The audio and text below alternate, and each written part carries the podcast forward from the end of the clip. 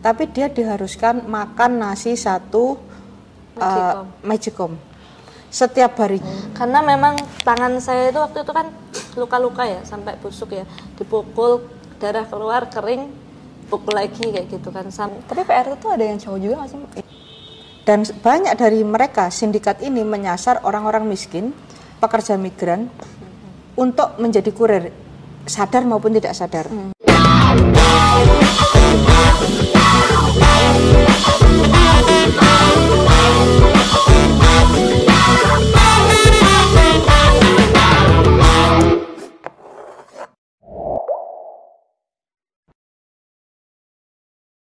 Wah, udah masuk bulan Maret nih, Lin. Iya nih, bulan Maret tuh bulan apa ya kira-kira? Bulan ketiga. bukan, bukan bulan ketiga, tapi bulan Maret itu bulan yang kayak merepresentasikan, merepresentasikan perempuan. Aduh, duh, ngomongnya. Minum dulu apa? Minum dulu kali ya. Nggak, nggak ada ya? Ya Nggak ada minum nggak ya? ada minum tapi. Ya, tapi benar kata Lin, Oh. eh, Maret itu adalah bu- Bu- bulannya. bulan yang ada hari perempuan internasional. Yeay, nih sesuai dengan tema kita hari ini. Jadi semua panelnya perempuan. Jadi iya kita take over role-nya Bang Jess di Iya. hari ini karena Jadi ya, sorry ya, Kak Jess ya. Karena ini episode girls banget jadi Uh, kayak girls. harus Ini kayak- aja kita ya, harus Lin. girls talk banget Iya, nih. harus girls talk banget ya. ya. Siap-siap dulu kayak harus harus harus harus PW ya. Harus- iya, harus PW, harus kayak gini. Nah, ayo dong ini kenalin dulu nih ada orang penting nih di sini yang kita harus dikenalkan. Eh tapi ya udah deh, kita Oke. kenalan sendiri-sendiri dulu kayak misalnya Oke. dari gua Arlin. Ya, halo gue Iva dan di sini kita ditemenin sama Mbak Eni Lestari dan Mbak Erwiana. Yeay. Boleh Mbak biodata singkat Mbak Eni dan Mbak Erwiana. Ayo mulai dari Mbak Eni dulu. Uh, hai teman-teman semua yang menonton hari ini. Uh, nama saya Eni Lestari, saya asalnya dari Jawa Timur, Kediri. Saya pekerja migran yang ada di Hong Kong, sudah 20 tahun lebih ya. Uh, dan meninggalkan Indonesia karena krisis moneter 97, kemudian tidak mampu lagi untuk melanjutkan sekolah yang lebih tinggi gitu dan di Hong Kong saya juga pernah mengalami eksploitasi ya terus akhirnya mencari pertolongan dan membangun organisasi di sana. Nah di situ mulai menjadi pendiri dari Asosiasi Tenaga Kerja Indonesia atau TKI kemudian berkembang menjadi jaringan buruh migran Indonesia yang itu mengcover uh, Hong Kong Makau yang mengcover 60 orga- 60 organisasi Kemudian uh, saya mulai terlibat dengan migrasi internasional tahun 2008 sebagai ketua International Migrant Alliance. Ini aliansi uh, akar rumput di level global untuk migran, imigran, pengungsi. Dan uh, sejak itu mulai banyak uh, belajar dan mewakili migran untuk melakukan negosiasi, negosiasi di PBB. Wah, seru nih pokoknya. Kalau kita ngobrol sama chairperson tuh kayak langsung serius Iya, gitu serius ya. banget. Agak takut Langsung gitu. ya, langsung ya. Tapi lama juga 20 tahun. Iya loh. Ya, Kayak Kayak lama juga. berapa umurnya Kayak kira-kira? lebih lama tinggal di dong ya daripada di Kalau dalam girls talk itu usia paling Oh ya. Oh, it iya. doesn't matter. Nah, It doesn't matter. girl- you itu should not kayak- talk about that. Ya, ya, ya. Oke, oke. Dan, Yeah, it's a secret. nah, ayo boleh Mbak Erwiana dulu. Ya, perkenalkan nama saya Ruyana. Saya juga sama dari Ngawi, Jawa Timur sama dengan Mbak Eni. Eh, saya mantan buruh migran di Hong Kong tahun 2014 dan eh, kemudian saya sekarang aktif di Beranda Perempuan di bagian advokasi campaign untuk migran. Gitu. Mungkin nanti bisa dilanjut Yes, cerita. yes. Ya, aku juga penasaran banget sih sama gimana sih Mbak Erwiana bekerja di benar perempuan. Tapi kita sebelum bagi. kita masuk ke yang lebih serius nih, gimana sih waktu dulu perasaannya, ya aku bakal kerja di luar negeri nih. Gitu. Iya.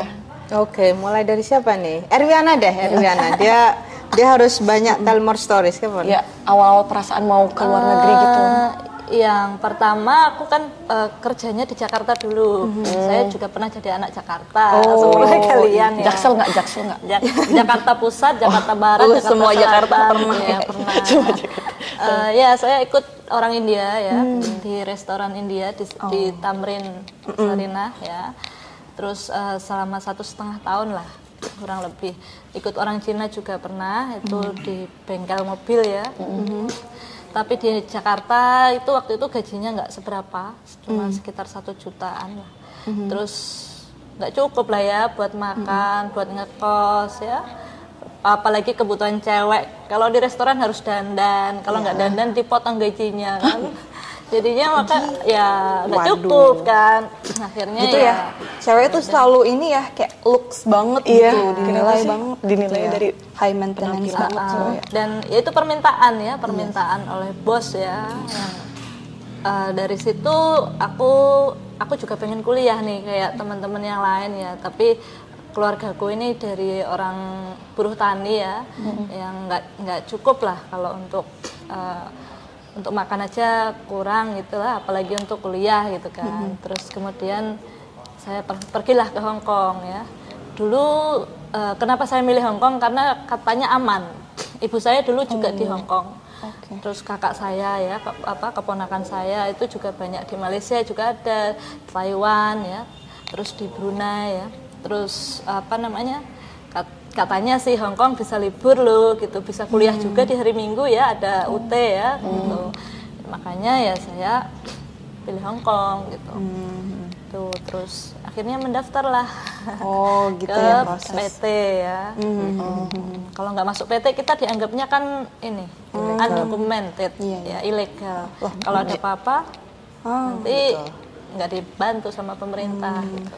Jadi emang harus wajib ya kalau misalnya mau ke luar negeri kerja Iya, dari gitu, PT gitu. iya. Itu aturan negara. Mbak ini juga kayak gitu ya dulu ya. Iya sama. Uh, well aku juga awalnya juga pengen kuliah kan, tapi karena Krismon 9798 ya tambah tahun tidak tambah membaik ya. Jadi tahun 2000 akhirnya uh, cari tempat kuliah juga mahal semua. Orang tuaku cuma pedagang kecil dan perdagangan di era Krismon itu kan sangat banting setir ya istilahnya itu lebih banyak ruginya daripada uh, untungnya. Jadi dari situ ya kalau aku paksakan orang tuaku akan semakin terjebak dalam utang karena mereka untuk menghidupi diri sendiri udah susah. Jadi akhirnya aku mikir udahlah eh, cari kerja dulu. Aku berusaha cari kerja di dalam negeri. Pertama dari home industry ya karena aku harus jaga adik-adik kecil, orang tuaku kerja.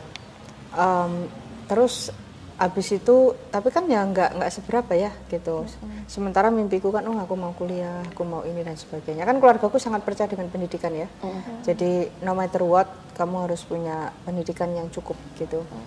Nah terus eh, karena Krismon itu akhirnya semuanya hancur dan kita sampai nunggu kayak 2-3 tahun kok nggak ada upgrade ekonominya. Akhirnya ya sudah, aku harus mutusin nih gitu. Nah setelah itu temanku datang, eh yuk ke luar negeri aja yuk kita. Ini ada nih eh, sponsor nih, namanya sponsor kalau calo di era itu ya. Terus ya oke, terus aku nyoba-nyoba. Orang tua sebenarnya nggak pernah ngizinin, Eh, jadi mereka butuh setengah tahun lah untuk mengiyakan itu. Dan ya eh, mereka hanya setuju jika aku ke Hong Kong. Nah, kenapa Eh, setuju ya hanya karena ini karena eh, bapakku itu kan guru dan dia itu mendengar-dengar bahwa Hong Kong itu di bawah eh, British koloni ya jadi jajahan Inggris. Jadi relatif dalam perlindungan eh, pekerjanya agak baik gitulah gitu. Jadi jadi bukan karena bapakku research ya karena tapi anyway dia punya pemahaman itu. Jadi waktu aku berangkat sebenarnya sebenarnya ya nggak nggak ini nggak terlalu ikhlas ya. Eh, keluargaku juga. Tapi ya karena saya juga harus menerangkan bahwa ini kalau kita selalu begini ya sampai kapan? Sementara adik-adik saya masih SMP eh, SMA gitu kan. dan kalau semuanya mau kuliah ya ya bisa gitu loh.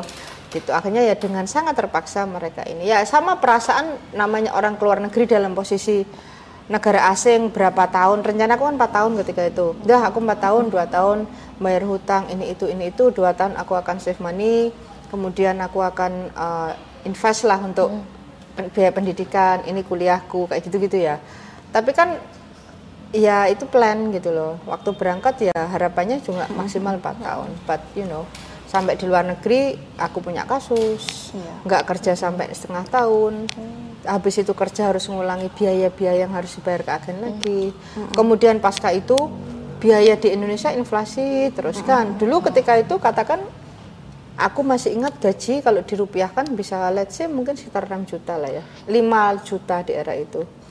Tapi ya itu sangat ber- di era itu kamu bisa beli banyak. Iyalah itu kayak udah banyak banget nggak sih? Iya, 5 juta. tapi kan nilai uang akhirnya lama-lama kan melemah. Jadi setiap tahun itu ya selalu gak cukup, nggak cukup, nggak cukup gitu. Pendidikan mulai mahal. Jadi ya nggak ya in the end of the day sampai akhirnya ya seperti ini gitu. Dan itu ternyata bukan kisahku aja. Banyak teman-teman yang akhirnya separuh hidupnya itu di luar negeri. Iya, iya. kadang malah dari Arab Malaysia pindah Taiwan pindah Hong Kong gitu.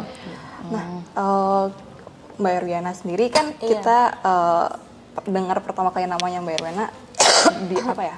Saat kasus yang nggak enak muncul ya dan blow up gitu ya. Nah, boleh ceritain dikit nggak Mbak eh, apa ya? Bagaimana kan ekspektasinya Hong Kong itu tempatnya aman seperti yang tadi Mbak Mbak Erwiana juga bilang kenapa akhirnya Hong Kong gitu yang dipilih.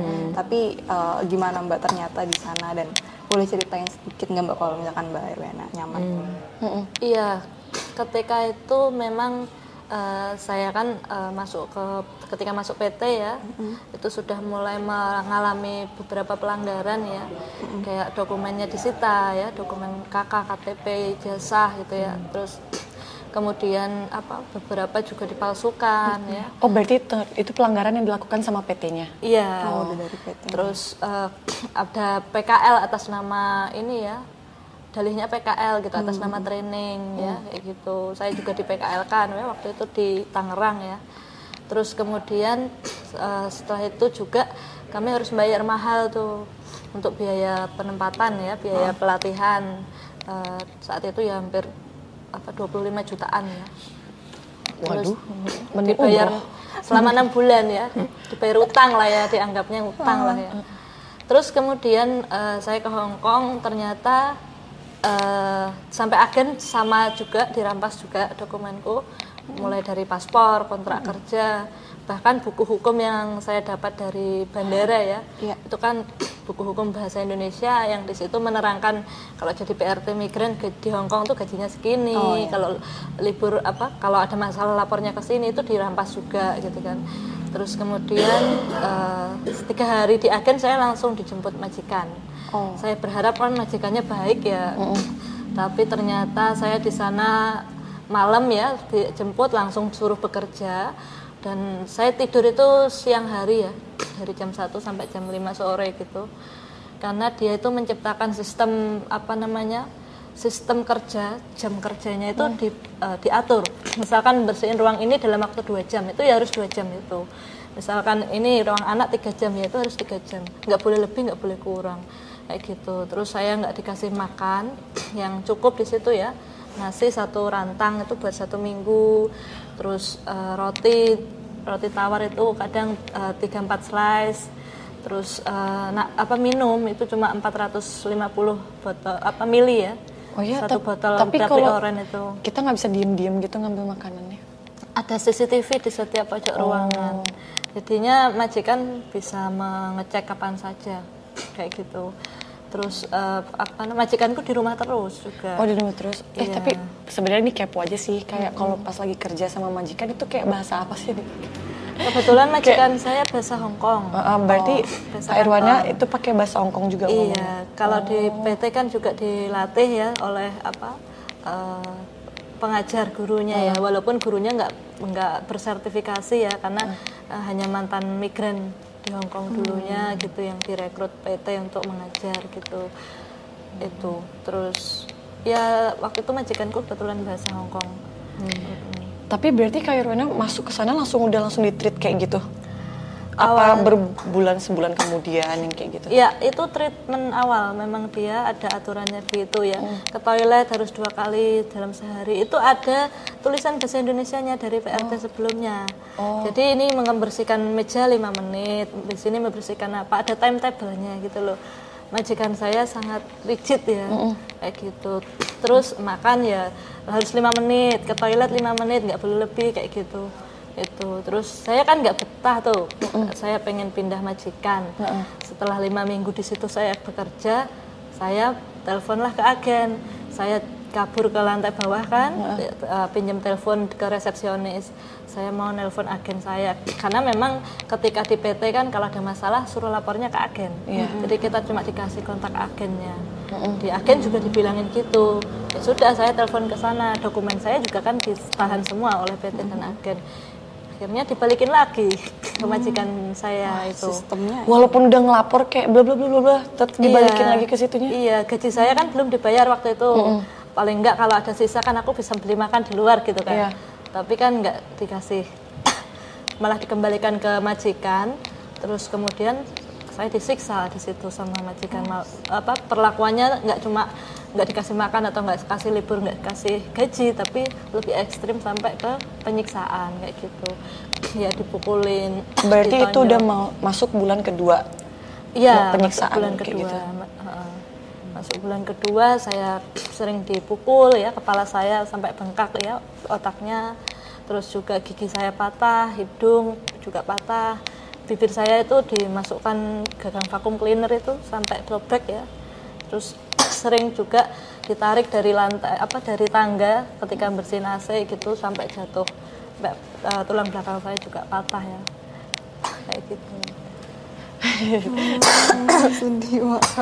Iya ya Mbak ya. Terus eh, akhirnya gimana Mbak Eh, setelah mendapatkan treatment yang kurang baik itu eh, apakah Mbak Erwiana langsung ke KJRI-nya untuk meminta bantuan hukum untuk penyelesaian kasus ini kira-kira itu gimana Mbak prosesnya sampai? Jadi ceritanya saya tuh nggak punya uang, nggak punya HP, nggak tahu nomor telepon siapa pun kecuali agen. Uh-uh, Pas oke. telepon agen itu dikembalikan ke majikan.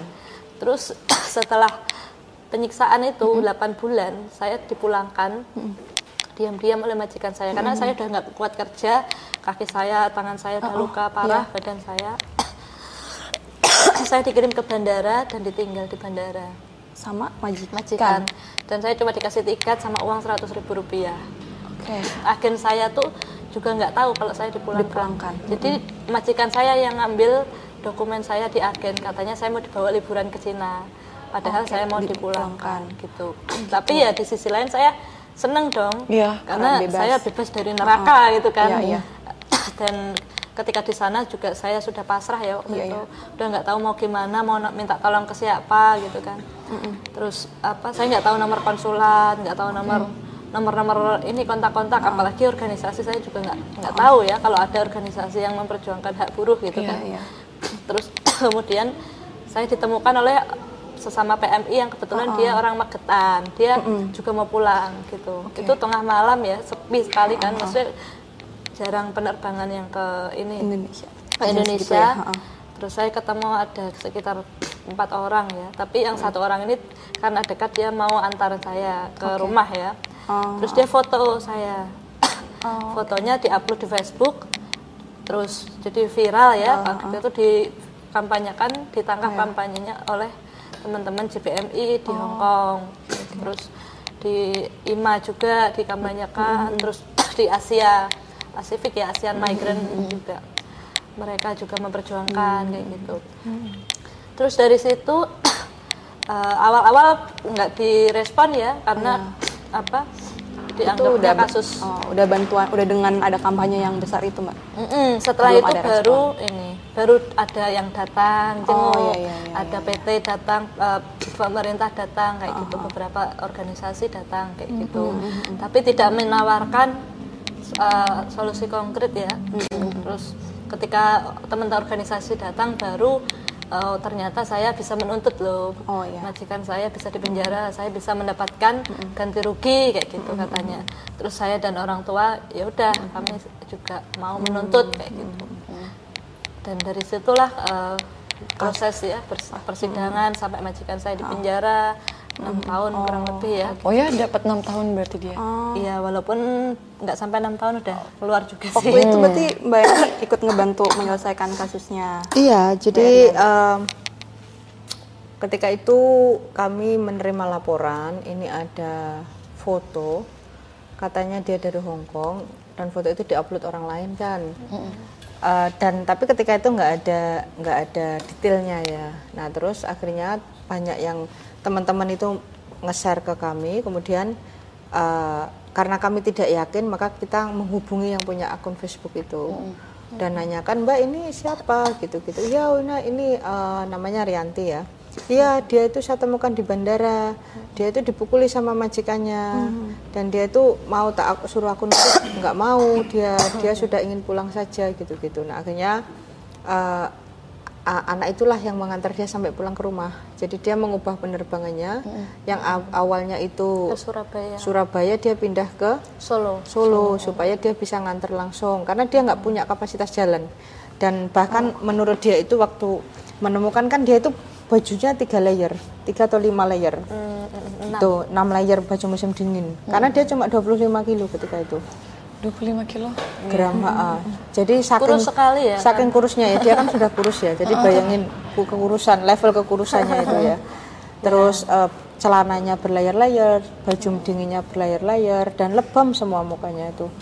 Terus dia nggak dia nggak bisa jalan. Jadi waktu mau pulang itu gate-nya itu pindah. Gitu. Dan dia sudah nggak awalnya dia nggak mau kan ditolong karena dia takut majikan udah ngancam kamu sampai ini? Kan majikannya sering bilang aku kenal loh polisi di Indonesia aku tahu mereka itu maunya uang. Kamu nggak usah macam-macam lah.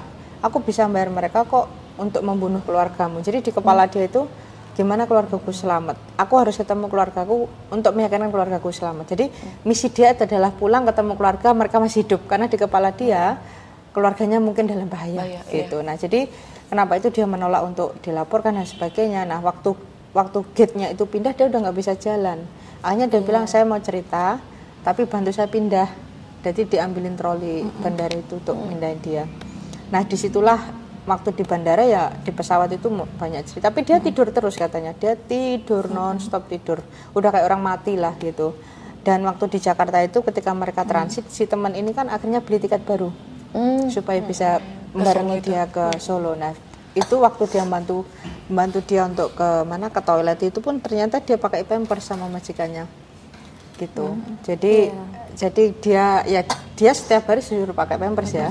Karena memang tangan saya itu waktu itu kan luka-luka ya, sampai busuk ya, dipukul darah keluar kering, pukul lagi kayak gitu kan, sampai tangan saya itu nggak bisa buat gini, nggak bisa buat gini, nggak bisa, jadi kaku.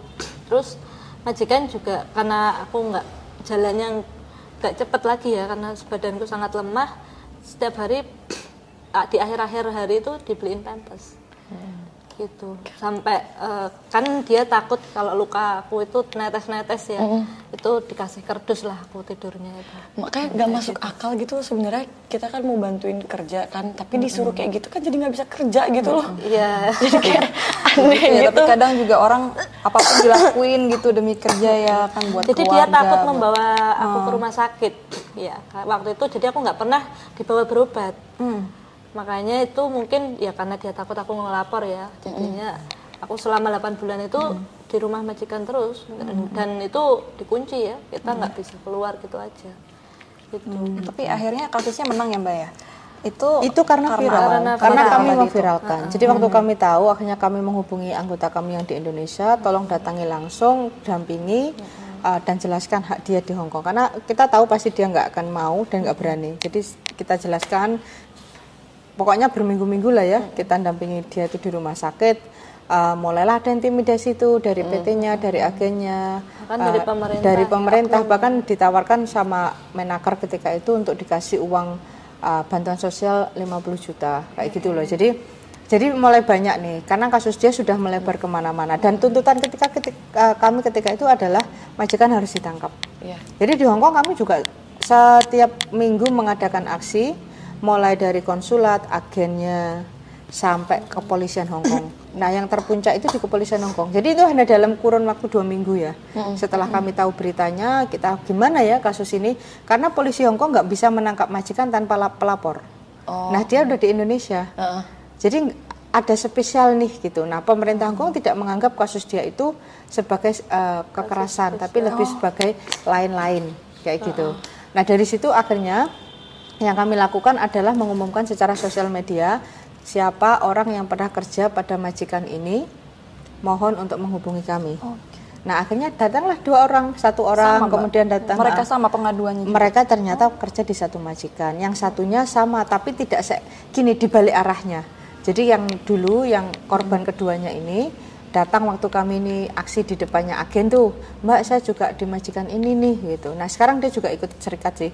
Nah jadi dia mengatakan perlakuannya berbalik arah. Dia tidak disiksa seperti itu, tapi gini, setiap hari dia dipaksa, selain jam kerjanya mirip persis seperti ini, tapi dia diharuskan makan nasi satu uh, magicom. Setiap hari, jadi dia sampai katanya dia besar sekali. Setiap hari dia harus menghabiskan makanan semagicom. Pola pikirnya kenapa ya? Nah, jadi akhirnya kan kalau orang nggak bukan orang gila kan tentu nggak mungkin kan. Ini kan psikopat nih Doda, menikmati sakit orang, ya kayak gitu. Nah, jadi berbalik arah dan dia nggak boleh teleponan sampai keluarga dia itu mencari di PT, PT-nya nggak pernah menghubungi dia. Jadi dia bisa selamat itu gara-gara keluarganya udah nyari PT, PT nggak bisa nggak nggak bisa bantu. Akhirnya keluarganya mencari salah satu saudaranya ada di sini untuk menghubungi agennya. Nah, agennya itu diancam sama si saudaranya ini kalau kamu nggak nyari di mana adik saya, saya akan laporkan kamu gitu. Akhirnya dicarilah agennya itu datang ke rumah majikannya dia. Dan itu yang dipakai dia untuk kesempatan saya mau keluar dari sini. Makanya dia selamat. Selamat dalam arti bukan ini ya, artinya dia nggak sampai Bisa di sisa keluar ya. Nah gitu, tapi cerita dia juga sangat ekstrim persis, cuma dia berbalik arah saja. Kalau dia dia dibikin kelaparan, kalau dia dibikin penuh perutnya terus dan harus habis gitu. Kalau enggak dia dihukum nanti. Nah itulah, jadi karena dia akhirnya kami melaporkan, di, kami menggunakan kasus dia untuk lapor menuntut majikannya. Dan besok harinya majikannya langsung ditangkap. Hmm, walaupun udah menang ya kasusnya Mbak. Tapi- belum menang, Oh, belum belum menang. menang. Ini kan masih dalam Oh, proses penangkapan, jadi belum ada. Menangnya kan nunggu satu tahun berikutnya. Setelah karena si persidangan. Jadi itu untuk menangkap. Setelah menangkap investigasinya satu tahun. Satu tahun dia didatangkan ke pengadilan dan di situlah majikannya dinyatakan bersalah.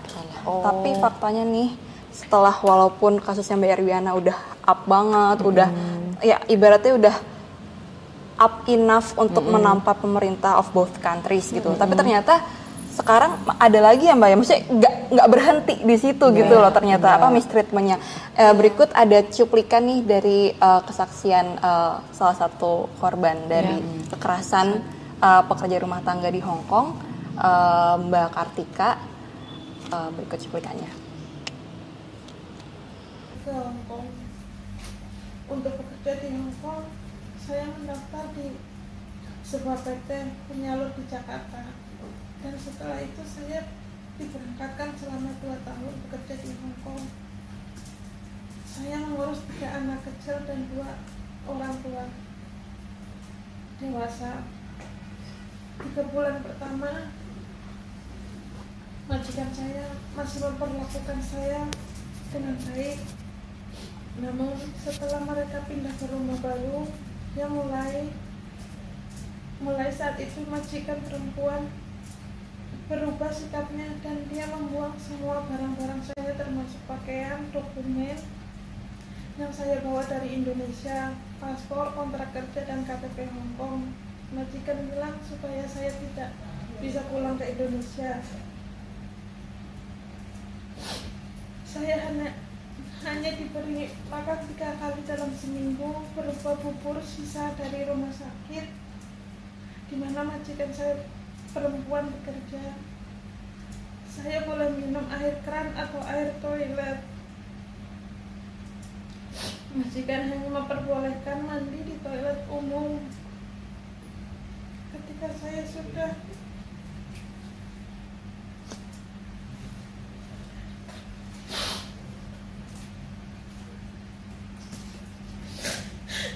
ketika saya sudah mau itu tanpa sabun, sampo dan Di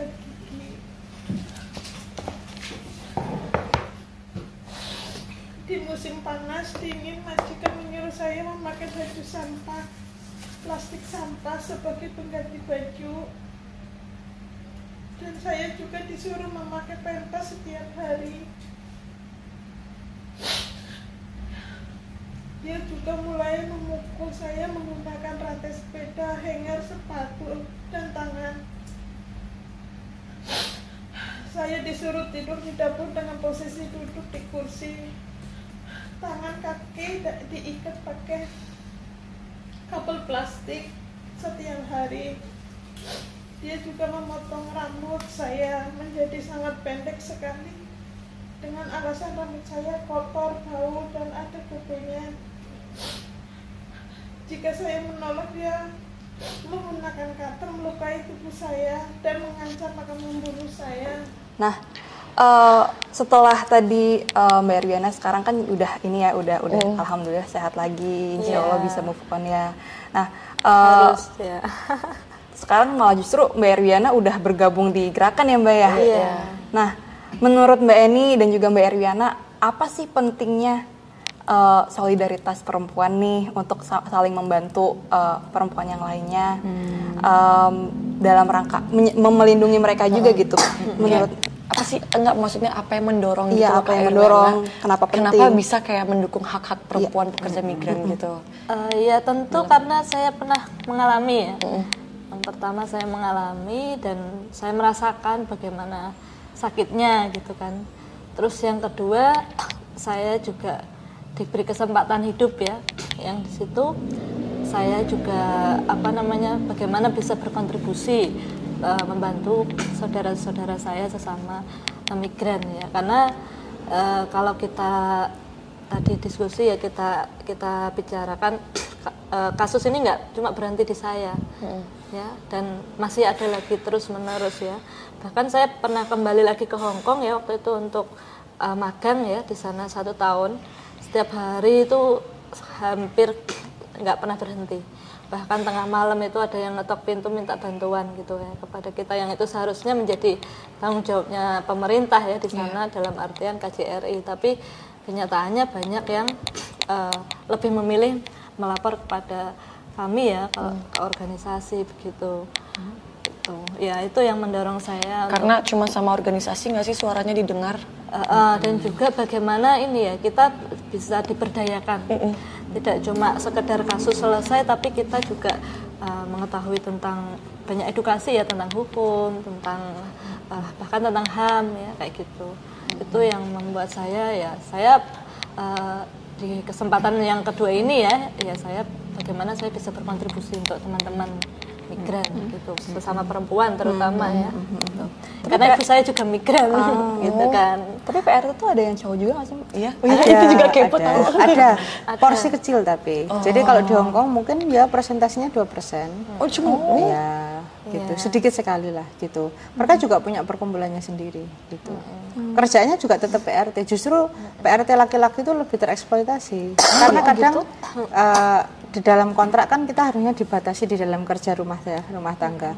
Tapi mereka itu karena rata-rata majikan yang mengambil cowok itu kan eh, punya kepentingan khusus. Satu orang yang dijaga itu jompo yang sangat besar, yang sangat nggak nggak mungkin tenaga cewek bisa itu. Atau yang kedua itu kadang mereka diambil oleh majikan yang punya peternakan kemudian disuruh beternak. Ada kalanya majikan yang itu eh, renovasi rumah. Jadi mereka itu justru eh, kondisinya sama dan tenaga laki-lakinya tadi dipakai untuk kepentingan-kepentingan yang justru itu di luar kontrak mereka.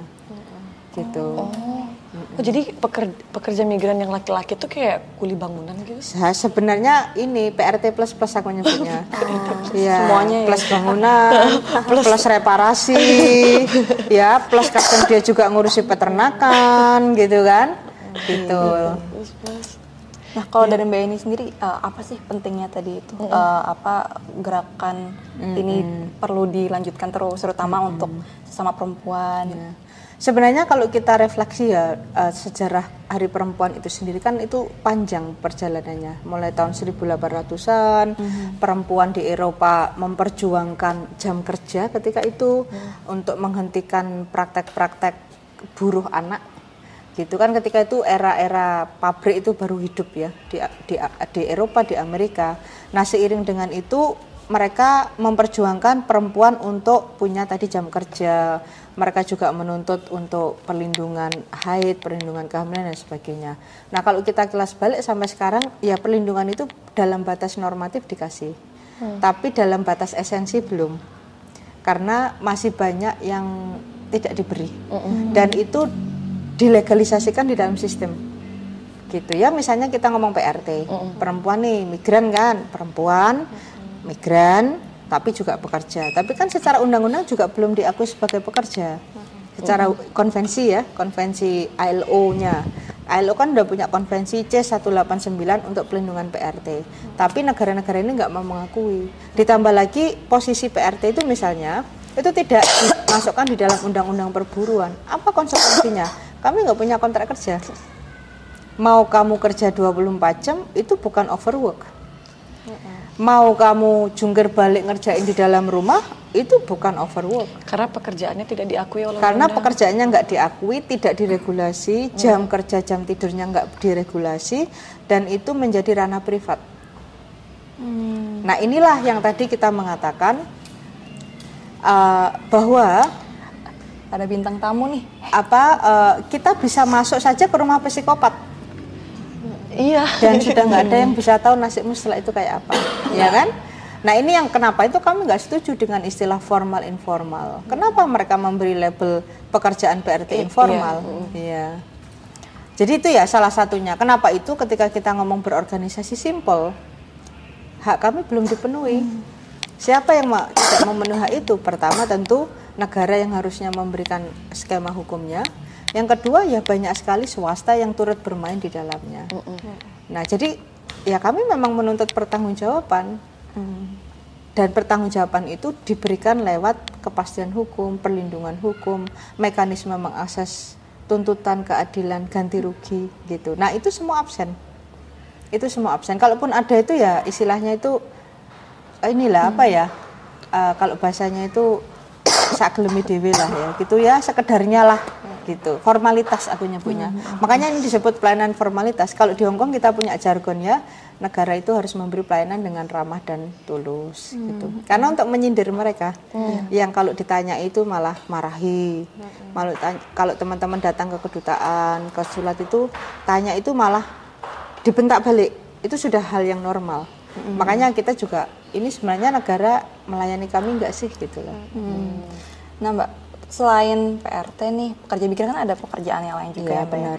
Nah, em, kira-kira aku pernah dengar nih apa ada pekerja migran yang dia tiba-tiba, padahal dia nggak apa, ya udah cuma bermigrasi aja, tapi tiba-tiba dia karena ada ya dia nggak tahu lah ya dia di- dikelabui apa gimana tiba-tiba dia melakukan kesalahan dan kena eksekusi mati nih.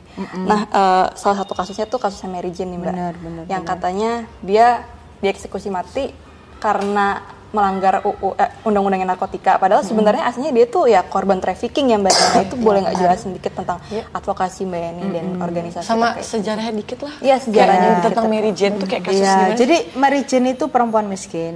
Dia berasal dari uh, Filipina, ut- ya di daerah kayak miskin kota ya aku nyebutnya tuh. Uh, ibunya dia juga buruh migran dulu. Kemudian uh, dia per- sudah menikah dan punya dua anak kecil-kecil. Dia berusaha kerja uh, ke Timur Tengah, ke Arab ketika itu. Tapi dia mengalami pelecehan seksual. Jadi dalam berapa bulan dia pulang. uh, kemudian berusaha kerja lagi di Filipina gitu Oh, ya jadi dia mengalami pelecehan seksual di Arab. di Arabnya gitu. Nah, sesa- se- oleh sesama pekerja eh, India gitu. Nah, jadi dia pulang dalam kondisi tentu hanya berapa bulan kerja ya. Kemudian dia eh, mencari kerjaan lagi dan oleh tetangganya yang juga masih kerabat lah istilahnya itu ditawari kerja PRT di Malaysia. Dia setuju karena dia percaya lah ya ini keluarga saya nggak mungkin dong dan ibu saya gitu. Nah setelah itu eh, dia itu diberangkatkan ke Malaysia. Nah di Malaysia dia itu masuk ke dimasukkan ke dalam hotel lah. Intinya masih kamu masih ke luar negeri, kamu harus menunggu dulu. Ya dia akhirnya menunggu. Kemudian eh, tapi sampai berapa hari nggak datang, kemudian eh, dikasih tahu lagi, kamu maji kamu ternyata lama loh. Kamu mau nggak eh, jalan-jalan dulu ke Indonesia sembari nunggu gitu. Nah akhirnya dia mau aja Oh, tapi tapi yang bilang gitu siapa yang ngomong calonnya. Jadi Oh, calonnya. dua orang perekrutnya yang kerabatnya tadi dia punya kontaksi dengan Malaysia. Oh. Nah, yang menerima dia yang calo yang di Malaysia Hmm, tadi. Jadi akhirnya oke, eh, akhirnya dia maulah eh, sembari menunggu kan dia ya nggak melihat ada problemnya di situ. Nah, ketika itulah koper dia yang jelek yang dia bawa itu diganti dengan koper baru di Malaysia. Nah, kemudian dia berangkatlah dia ke Jogja gitu. Nah, di situlah ditemukan kalau ada eh, apa narkotika gitu. Oh, oh. Ya, jadi 1,5 atau gimana gitu kilo ya. Jadi ya akhirnya dia langsung ditangkap ketika itu dan dalam proses hukumnya memang dia sangat tuh dia nggak bisa bahasa sini, Iya. Inggris dia juga nggak pinter. Iya. Orang selalu beranggapan ya orang Filipina itu pinter Inggris enggak loh. Teman-teman Filipina itu kalau nggak benar-benar high education sampai universitas nggak nggak nggak punya kapasitas Inggris yang baik. Dia mungkin bisa nangkep apa ya? Bisa istilah- ngerti gitu kan. Ah, ya mungkin hanya dalam verbal communication gitu ya. Tapi kalau sudah yang rigid dia juga bingung.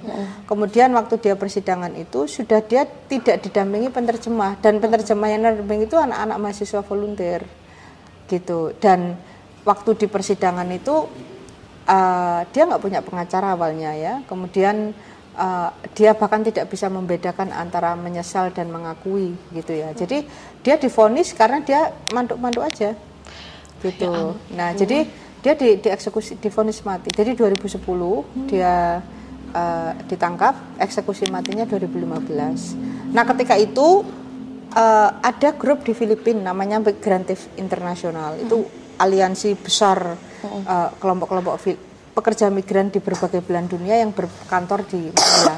Mereka menghubungi kami di Hong Kong. Eh, kamu tahu nggak dalam berapa kayaknya dua atau tiga minggu lah akan ada gelombang eksekusi mati. Salah satunya adalah pekerja migran korban trafficking bernama Marijin. Kemudian kami lacak nih, kami mengontak organisasi di sini, Komnas Perempuan. Kemudian kami juga eh, apa ya, meminta tolong si- apakah ada. Ternyata benar ada gitu. Nah akhirnya eh, berbasiskan informasi keluarga dan dengan data yang kami dapatkan, kami mulai melancarkan kampanye internasional untuk Marijin. Karena kita tahu ini nggak bisa mungkin di meja hukum. Karena dia udah sudah jadwal eksekusinya udah ada Oh berarti itu detik-detik eksekusi. detik-detik terakhir gitu. Jadi nggak mungkin kita akan berdebat di ranah hukum dan kita belum tahu sedetail-detailnya kasus di akhirnya kita melancarkan kampanye internasional di semua kedutaan-kedutaan Indonesia di luar negeri, Australia, Kanada, serbu aja. Di Hong Kong kita serbu, pokoknya petisi-petisi online lah semuanya lah untuk intinya men- menekan pemerintah Indonesia untuk tidak mengeksekusi dia. Jadi sampai last minute di Filipina juga bagus, mereka melakukan aksi ribuan orang Wih, merinding. untuk menuntut eh, pemerintah Filipina menangkap trafikernya. Nah, akhirnya ditangkap. Hari Marijin mau dieksekusi, dia ditangkap Di mana ketangkap? di Filipina, Oh, di, di Manila. Filipina. Oh. Nah, itu atas dasar penangkapan trafikernya lah presidennya Filipina ketika itu ber- bertulis surat ke presiden Indonesia eh, apa Presiden Jokowi ini eh, dia eh, akan menjadi saksi eh, kasus trafficking untuk menuntut dua orang ini. Jadi artinya kan dia tidak boleh dieksekusi. Iya. Jadi tapi kan kita sebagai publik kan nggak tahu sampai jam 12 malam kami masih demonstrasi di depan konsulat Indonesia dengan orang lokal teman-teman Filipina karena itu adalah detik-detik eksekusi. Jadi dan kami sampai melakukan banyak doa bersama sampai bersimpuh kayak gitu gitulah ya Ah, jam 12 malam waktu jadwal eksekusi kita baru tahu pokoknya sejak atas jam 12 lah itu baru ada pengumuman ah, Marijin tidak akan dieksekusi. Wih, jadi itu benar-benar last minute dan pokoknya malam yang aku nyebutnya malam jahanam lah itu ya. Karena apa? Su- semua orang sudah ah, nggak bisa nafas lah ya menunggu keputusan final. Ya, Update, update-nya gimana mbak? Nah, pasca itu dia kan dibawa kembali ke penjara. Nah, kasus dia mulai 2015 sampai tahun 2020 sebelum pandemi itu kan proses hukum di Filipina. Nah, jadi trafikernya sudah ditangkap, dia punya tiga tuntutan. Satu perekrutan ilegal, yang kedua penipuan, yang ketiga human trafficking. Yang dua ini sudah difonis bersalah. Keduanya dipenjara seumur hidup. Nggak akan punya potensi bebas lagi. Yang ketiga ini hanya menunggu kesaksian si Marijin. Tunggu yang ketiga ini yang calo yang ditemuin jangan-jangan. Dua-duanya Oh, oh, oh. Sa- orangnya sama tiga kasus, Oke, oke, gitu oke. loh ya. Tapi sudah dia vonis kan, artinya dia kan sudah nggak mungkin bebas. Tapi untuk membebaskan Marijin, dia harus dinyatakan juga bersalah atas human trafficking. Hmm. Nah ini jadwalnya belum dijadwal sampai sekarang. Ada perdebatan. Pemerintah Filipina minta kesaksian dia di dalam kantor kedutaan karena ini di dalam jurisdiksi atau wilayahnya Filipina. Pemerintah Indonesia bilang no way, gitu nggak mau. Akhirnya Supreme Court atau Mahkamah Agungnya Filipina membuat satu keputusan baru ya sudahlah mau bersaksi di mana pun yang penting pemerintah Indonesia setuju gitu kan di penjara juga nggak apa-apa. Nah itu sudah diputuskan di Supreme Courtnya Filipina. Tapi sampai detik ini 2020 sampai 2023 itu belum ada go final gitu. Digantungin tiga tahun. Ya, ya alasannya memang pandemi sih, tapi ya ini sudah nggak pandemi kan gitu. Nah, jadi itu satu-satunya yang yang secara hukum menghambat kasusnya dia. Tapi juga ada sisi lain yang juga perlu dikaji ya. Ini juga yang jadi kekhawatiran kami. Kalaupun dia dinyatakan bersalah si dua trafikernya ini, berarti Marijin korban kan. Iya. Pertanyaan berikutnya adalah apakah pemerintah Indonesia akan meneruskan eksekusinya atau mau membebaskan dia karena dia ternyata korban. Ada undang-undang TPPO trafficking in person yang itu menyatakan korban tidak boleh dipidanakan. Oke. Ini harusnya menjadi dasar hukum dia tidak boleh dieksekusi atau di penjara sekalipun kan Iya, harusnya. Ini tapi ing- ingat Marijin ditangkap atas dasar narkoba yang tidak membedakan antara kurir eh, lugu, kurir sadar dan gembong narkoba. Semuanya dipukul rata. Apa? Eksekusi mati. Ya kan? Nah, ini dan ini ti- tidak direvisi. Makanya ada Tidak direvisi di mana di KUHP. karena di dalam undang-undang ini tidak mempertimbangkan korban sebagai korban. Bagi mereka selama kamu masuk dengan sejumlah kilogram narkotika ya sudah. Nah ini ini jadi ini akan jadi pertentangan hukum di dalam Indonesia. Apakah Marijan akan lebih mengikuti TPPO atau mengikuti undang-undang narkotika? Tapi sekali lagi mengaca dari sistem hukum kita, eksekusi mati kan kadang bukan masalah benar dan salah. Iya. Tapi kan masalah menjadi aku nyebutnya itu apa ya iklim politik aja. Iklim eksekusi nah eksekusi, iklim bebas ya bebas gitu aja. Ini yang mengkhawatirkan gitu. Apalagi di Indonesia kan ya gitu narkotika terorisme dianggap sebuah dosa yang nggak mungkin diampuni. Nah posisi Marijen ini secara umum apakah sudah bergeser secara masyarakat ya? Apakah sudah dilihat sebagai korban? Ini yang perlu dikaji karena kami sangat khawatir dengan sentimen-sentimen anti narkoba. Jane bisa tetap benar Dieksekusi. Ya. itu tetap jadi jadi otonominya pemerintah Indonesia kan? Iya. Ya suka-suka saya kan dia udah di sini. Nah, jadi kalau kita lihat dari kasusnya Sambo kemarin kan, itu kan ya artinya netizen juga punya peran. Iya. Masyarakat bahkan bisa Iya. turut menjadi hakim. Nah, jadi kami khawatirnya di situ. Makanya sekarang advokasi kami adalah penyadaran publik bahwa Marijen bukan satu-satunya korban yang terjebak di dalam sindikat narkoba. Itu menjadi tren. Malaysia, Thailand, Indonesia, Cina itu jalur narkoba. Dan banyak dari mereka sindikat ini menyasar orang-orang miskin, pekerja migran untuk menjadi kurir sadar maupun tidak sadar. Jadi kita punya banyak kasus semacam Marije. Nah ini yang kami sebenarnya mempertanyakan ke pemerintah, menggugah hati pejabat negara bahwa pemerintah me- sibuk memperjuangkan di luar negeri teman-teman terancam hukuman mati. Yang mirip Marijin, yang sama kayak Marijin. Ini di wilayah Indonesia, otonominya ada di Indonesia. Dua korban, Mary Jane dan Mary Utami sama-sama di penjara atas dasar sindikat. Harusnya mereka dibebaskan. Sudah mereka tidak layak mendapatkan eks- hukuman 20 tahun untuk Mary Utami, 13 tahun untuk Mary Jane. Itu sudah tidak pantas untuk untuk di apa ya untuk diteruskan gitu loh. Nah, dengar cerita-cerita yang barusan dari mau mau dari Mbak Erwiana maupun dari uh, Mary Jane tadi dan uh, teman-teman yang divonis eksekusi mati. Jadi kayak bisa dibilang kayak negara itu justru yang membuat mereka sendiri rentan ya, Mbak ya. Membuat maksudnya membuat pekerja migran itu rentan itu sendiri. ya? Iya, negara punya kontribusi yang sangat besar. Utamanya ya bagaimana kemiskinan itu menjadi sumber utama orang bermigrasi, lapangan kerja. Sekarang ya orang yang jadi pekerja migran itu bukan orang-orang pedesaan kayak dulu loh. Sekarang anak-anak milenial yang baru lulus kuliah, yang baru ini mereka ke Kanada, ke Eropa, banyak yang jadi korban trafficking juga di Eropa. Itu banyak di Indonesia banyak. Belanda itu tempat pembuangan apa orang-orang berpendidikan tinggi Oh ya? yang jadi korban trafficking ya di Turki itu orang-orang yang mau ke Eropa dan nggak dapat kerjaan terbuang semua di Turki menjadi tidak berdokumen atau ilegal jadi eh, artinya kita perlu mempertanyakan ini ada apa dengan sistem di dalam negeri yang bahkan eh, apa ya bermigrasi itu menjadi pilihan dari semua generasi sekarang. Iya.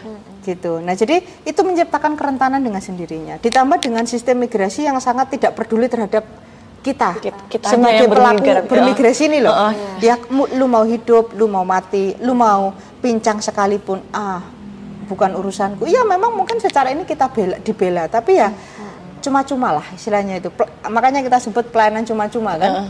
Gitu. Nah, ini ini yang menjadi persoalan yang sangat ekstrim menurut kami.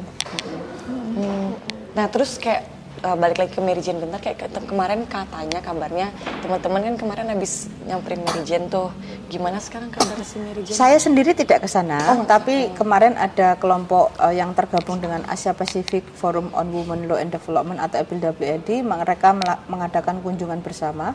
Salah satunya eh, pengurusnya Migranti Internasional yang menangani kasusnya. Sejauh ini Mary Jane eh, ya dia mulai sakit-sakitan, orang tuanya juga mulai sakit-sakitan. Makanya orang tuanya mempertanyakan kapan sih anak saya bisa pulang. Sementara Mary Jane itu sudah istilahnya itu pasrah lah ya. Dia juga sangat tertekan, tapi dia nggak tahu harus bagaimana. Dia hanya bisa menyibukkan diri dengan banyak bikin kerajinan, eh, apa, bikin batik dan sebagainya. Eh, tapi dia sangat baik, sangat didukung oleh lapasnya. Bahkan lapasnya itu eh, akan berencana menaikkan kayak surat permohonan pengampunan untuk dia. Jadi dia sangat good Iya, person. dia saya eh, sempat bertemu dengan Mary Jane ya, beberapa kali kunjung dengan teman-teman gereja. Dia sudah sampai bisa bahasa Indonesia juga. Oh iya, saking lamanya di penjara ya?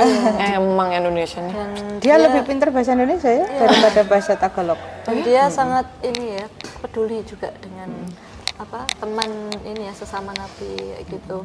Dan nggak sombong orangnya sangat rendah hati sekali. Ya kasihan gitu loh kalau orang sebaik dia harus dieksekusi ya tanpa dasar yang ini ya dan ya, apa namanya kalau orang la- lapasnya aja nggak tega gitu loh kalau dia sampai dieksekusi gitu loh itu eh, sangat apa miris lah Gitu. Jadi mana punya anak lagi dua? iya Iya, anaknya di- tinggal kecil sekarang udah remaja, bukan remaja, udah dewasa. Udah kan? gede lah, iya kan? Iya, dan mereka belum ketemu Marijan lima tahunan ini. iya Ah, ah, makanya ini mereka eh, migranti internasional berusaha mengatur kunjungan lagi gitu. Hmm. Gitu. Kayaknya Enggak, sedih, enggak ya? nangis. sedih jadi nggak tahu lagi mau tanya Iya, apa nih. nggak jadi happy ya di Iya. Iya, tapi awalnya.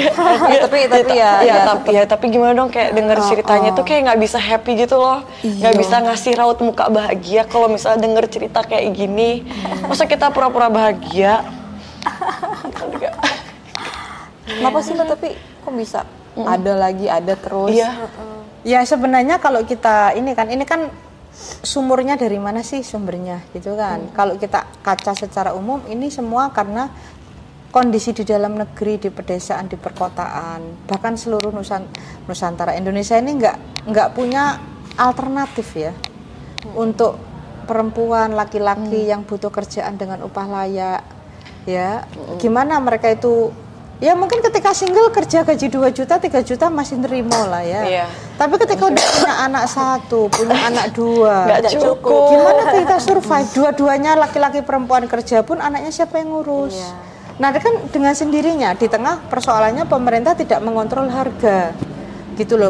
Dulu uang remitansi kami dikirim itu banyak sekarang nggak ada nilainya Kak perbandingannya begitu aja ya. Dan hanya habis untuk konsumtif dan habis hanya untuk konsumsi makanan, ke pelayanan apa sehari-hari ya, sekolah, sekolah, transportasi, rumah. Kadang ke sampai tahunan orang juga belum tentu bisa beli rumah, renovasi rumah, gitu. Jadi ada akarnya. Itulah yang menyebabkan kalau dulu dari perempuan desa sekarang mulai ke kota yang bermigrasi, bahkan banyak anak-anak Jakarta, Surabaya, kota-kota pulau lain yang juga pada bermigrasi itu menjadi fenomena yang yang mengerikan gitu loh. Karena semua orang memikirkan Eropa, Kanada karena mikir-mikir ngapain juga gue kerja di sini, gaji 2 juta setengah forever, ya kan? Gaji cuma 3-4 juta itu pun Iya. kalau dapat, ya kan? Jadi sebenarnya karena gaji yang gini ya nggak cukup terlalu gitu ya. buru, Heeh. iya. Nih, jadi kalau misalnya kita bisa identifikasikan nih aktor-aktor yang seharusnya bertanggung jawab, berarti kan yang pertama pemerintah negara, Iya, ya kan?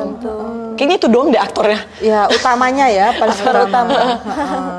Aktor utama. Tapi kemudian turun lagi ke, Banyak Ininya swasta, agensi- agensi swasta. Iya, oh ya Iya. permainan licik kotor Ah, gitu di ah. swasta. Kita tuh sampai tanya loh teman-teman di luar negeri itu, seandainya ya kalian itu dibayar ya setara dengan gaji kita lah ya, kalau dirupiahkan mungkin ya 8 juta lah gitu, 7 juta, 8 juta kan nggak besar juga kan sebenarnya. Dan kalian dapat gaji itu katakan kalau kalian Jawa Timur dapatlah dari sidoarjo, nggak usah jauh-jauh ke mana Jakarta. Mau nggak tinggal aja di Indonesia? Mau, mau sekali. Tapi kalau gaji buruh Jawa Timur cuma berapa coba? Iya. 3 juta, 3 juta di antara itulah. 3-4 juta itu juga perusahaannya sudah bonefade ya. Tapi kalau yang perusahaan kecil-kecil ya apalagi penjaga toko, apalagi penjual gitu. Jadi pendapatan yang terlalu rendah dan kalaupun kamu punya wirausaha itu tidak ada jaminan kamu akan selalu punya income. Terus habis itu Indonesia selalu dihantam dengan inflasi, kenaikan harga, kenaikan harga. Jadi hakikatnya masyarakat itu sudah nggak bisa nafas. Solusi nafasnya adalah mencari oksigen dari luar negeri. Jadi, mm-mm. Supaya apa? Kalau anak saya sekolah, ada uang pendidikan. Sebenarnya motif teman-teman keluar negeri apa? Ketika mereka harus berhadapan dengan biaya sekolah. biaya sekolah. Biaya sekolah anak. Edukasi. Anaknya mungkin masih kecil-kecil mereka survive. Tapi begitu masuk SD, oh mikir, nanti SMP mikir lagi gitu. Nah, terus ditambah lagi mereka belum punya rumah. Kalau sudah unit keluarga ikut mertua kan juga nggak enak. Ya kan? Jadi mereka harus mikirin lagi. Jadi hanya di tantangan itulah mereka terpaksa harus membuat keputusan yang paling berat keluar negeri. Iya. Oke, jadi kayak berkaca dengan kasusnya Mbak Kartika, Kak Mbak Erwiana, Mary Jane, kan semuanya pekerja migran kan. Tapi kenapa sih kayak karena ini ngomongin perempuan juga ya, kenapa sih perempuan tuh kayak rentan banget gitu loh Kenapa mendapat kekerasan ya? dan pelanggaran HAM kayak gitu. Benar, ha-ha. Kenapa dan kira-kira solusinya itu apa gitu loh? Iya. Eh, sebenarnya ini kembali lagi ke teori terkait sejarah penindasan terhadap perempuan ya. Ini kan historical banget. Transisi dari matriarkal ke patriarkal, Iya. ya kan? Yang kemudian seluruh sistem hukum sosial masyarakatnya itu lebih ke patriarkal. Jadi perempuan ada era saya suka sekali kok belajar dari perempuan-perempuan yang suku pedalaman gitu ya, yang kadang dibanding perempuan Jawa itu kencang banget, berani banget gitu. Iya, iya. Jadi memang ada eh, masyarakat kita di era dulu mungkin sisa-sisanya sekarang itu yang punya sistem perempuan yang sebenarnya menjadi tokoh memimpin gitu. Ini bukan masalah dominasi ya, tapi perempuan punya insting mengayomi dan itu gimana semua orang di sini makan gitu kan. Dan dia berusaha untuk membuat orang itu hidup gitu loh. Karena dia kan ibu ya. nggak punya anak pun kita punya insting ibu kan, itu di dalam hormonal kita. Nah, tapi di era perkembangannya ketika sistem patriarkal mengambil alih itu, seluruh sistemnya kemudian mengabdi kepada kepentingan uh, individu yang itu ya simbolnya laki-laki gitu loh. Jadi uh, kenapa itu pasca itu ya perempuan jatuhlah dia ke dalam domestifikasi. Kamu bekerja mati jungkir balik juga nggak dianggap kerjaan gitu loh. Jadi ada proses yang begitu panjang. Nah itu punya konsekuensi apa? Konsekuensinya adalah keluhan-keluhan perempuan terkait kekerasan dalam bentuk apa pun itu tidak dianggap problem. Ya sederhana, kamu bilang aku jadi korban pelecehan seksual, siapa yang akan percaya? Iya pasti ada yang bilang pasti pemerintah yang bilang ah paling sama-sama mau. Nah, ya. akhirnya sama pekerja migran perempuan yang diperkosa, kamu mungkin genit kali. Itu ada tuh, itu komentar ketua MPR DPR ketika itu. Ada yang diperko apa pelecehan seksual di sana, kamu ya jangan ya kamu tutup Jangan tubuh lah, Ah, ya. jangan menggoda. Tapi itu sih ya problema perempuan tuh kayak kita terlalu mengayomi disalahartikan. Iya.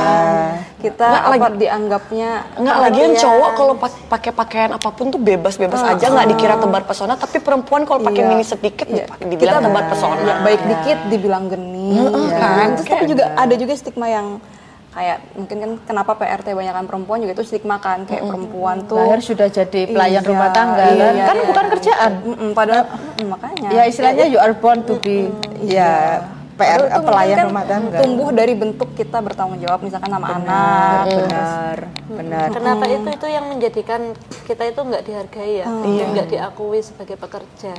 Pertanyaan terakhir nih Mbak, kira-kira apa sih yang perlu dilakukan pemerintah uh, untuk menyelesaikan uh, gejolak ini gitu agar agar tidak terulang lagi gitu? Mbak Erwiana mungkin? Ya tentu kita ya sebagai buruh migran kita berharap uh, perlindungan ya. Bagaimana uh, pemerintah itu ketika kita ada masalah itu uh, pengaduannya mudah gitu untuk mendapatkan keadilan ya akses keadilannya. Terus ketika kita punya kasus juga kita dibantu sepenuhnya gitu jangan Setengah-setengah. jangan sekedarnya ya tadi kata Mbak Eni ya jangan setengah-setengah. Terus kemudian eh, bagaimana mendampinginya ya secara maksimal gitu. Terus kita juga diberikan arahan yang apa yang baik lah ya kayak gitu. Terus bagaimana eh, pemerintah juga meningkatkan pelayanan ya untuk teman-teman migran di luar negeri, misalkan kayak apa perpanjang paspor nggak harus ngantri sepanjang banget ya, kan bisa nambah staff gitu kan. Terus kemudian selain itu juga bagaimana eh, kita ini kan tinggal di rumah majikan, nggak ada orang yang tahu apa yang terjadi di dalamnya ya diawasi lah setidaknya paling tidak ada monitor ya yang terutama untuk yang Iya, kayak, baru kayak ada ya. patroli gitu ya? ya sidak mungkin ya kayak gitu ya itu yang kita harapkan ya jadi ketika kita nggak bisa keluar rumah itu setidaknya kita ada harapan untuk di dicek lah kayak Iya. gitu Ih, itu bagus yang- sih. Terus juga eh, apa namanya training ya. Trainingnya juga harus apa namanya maksimal. Jangan cuma sekedarnya. Ketika kita belum pinter tapi udah dapat majikan diterbangkan. Padahal belum siap untuk terbang kayak gitu kan. Itu juga kalau ada kan itu menimbulkan ini ya beresiko gitu ya ketika di sana. Nah, miskomunikasi dengan majikan kayak gitu. Nanti Dan harus dua pengetahuan dan mental. Iya, terus eh, aturan hukum kita juga harus eh, sudah tahu ya di, sebelum berangkat ke Hong Kong, oh negara sana hukumnya kayak mana nih kayak gitu ya. Pemerintah harusnya juga memberikan edukasi terkait hukum itu ya. Ketika di sana kita, oh saya tahu kalau ada masalah saya harus lapor ke sana. Dan juga selain itu bagaimana dikenalkan dengan eh, organisasi buruh ya. Iya. Karena itu juga bagaimana kalau kita nggak bersolidaritas dengan teman-teman di Itu sana. memenuhi hak berserikat Iya. kayak Iya. Bagaimana kalau suara kita tidak didengar pemerintah? Iya, kayak gitu. Jadi kita punya teman dan punya apa? Punya wadah ya tempat untuk berjuang kayak gitu. Itu. Ya, kalau saya sederhana, satu harus ada pengakuan dulu bahwa perempuan itu setara dengan laki-laki. Apa pun yang kita lakukan, pekerjaan apa pun itu harus set- setara dalam perlakuan hukumnya dan perlakuan sehari-harinya. Yang kedua, secara pekerja rumah tangga khususnya, pemerintah memang harus mengesahkan RUU PRT itu sendiri, yang itu sudah berapa tahun diperjuangkan teman-teman di Indonesia dan di luar negeri. Karena itu kan hal yang paling simpel. Kalau mengakui, ya melindungi. Jadi eh, sehingga ada rasanya, ada rasa efek. Habis itu kita punya kontrak, punya upah, punya libur dan sebagainya, yang itu terregulasi. Nah, setelah itu memang secara undang-undang PPMI ya, pelindungan pekerja migran, harus pasal-pasal yang selama ini menempatkan PRT di bawah naungan swasta PJTK ini harus dihapus. Memang harus direvisi. Itu undang-undang sangat diskriminatif terhadap perempuan pe- eh, PRT migran. Gitu. Itu hal yang paling konkret negara bisa lakukan ter- tergantung mau apa enggak. Berarti harus dikencangkan advokasi kita. Nah, Dia. Thank you. Akhir kata uh, Happy International uh, Women's Day. Makasih untuk Mbak Eni dan Mbak Erwiana. Sampai bertemu di episode selanjutnya. Bye.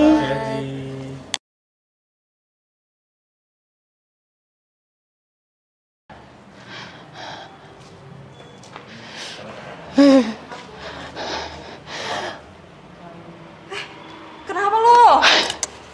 Dingin banget, sumpah. Terus gimana Hujannya basah? kayak pada gini nggak baju cadangan gitu. Tenang, tenang, tenang, tenang, tenang nih. Dengan- Baju keren nih. Keren banget bajunya, Gils. Deh buat lo.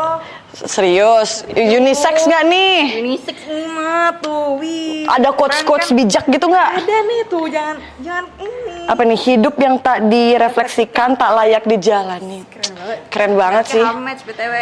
Wih, wih, apaan tuh? Ada lagi kalau misalkan mau desain yang lain, kebetulan gue punya. Nih tuh, Ini apa- siapa nih? Gus Dur. Dur. Perdamaian tanpa keadilan adalah ilusi. Hmm, cakep sih. Ya udah deh dua-duanya deh. Oh, yaudah coba dua-duanya Gratis ya. enggak? Yaudah yang penting biar nggak kedinginan dulu deh. Ya udah deh. Terima kasih.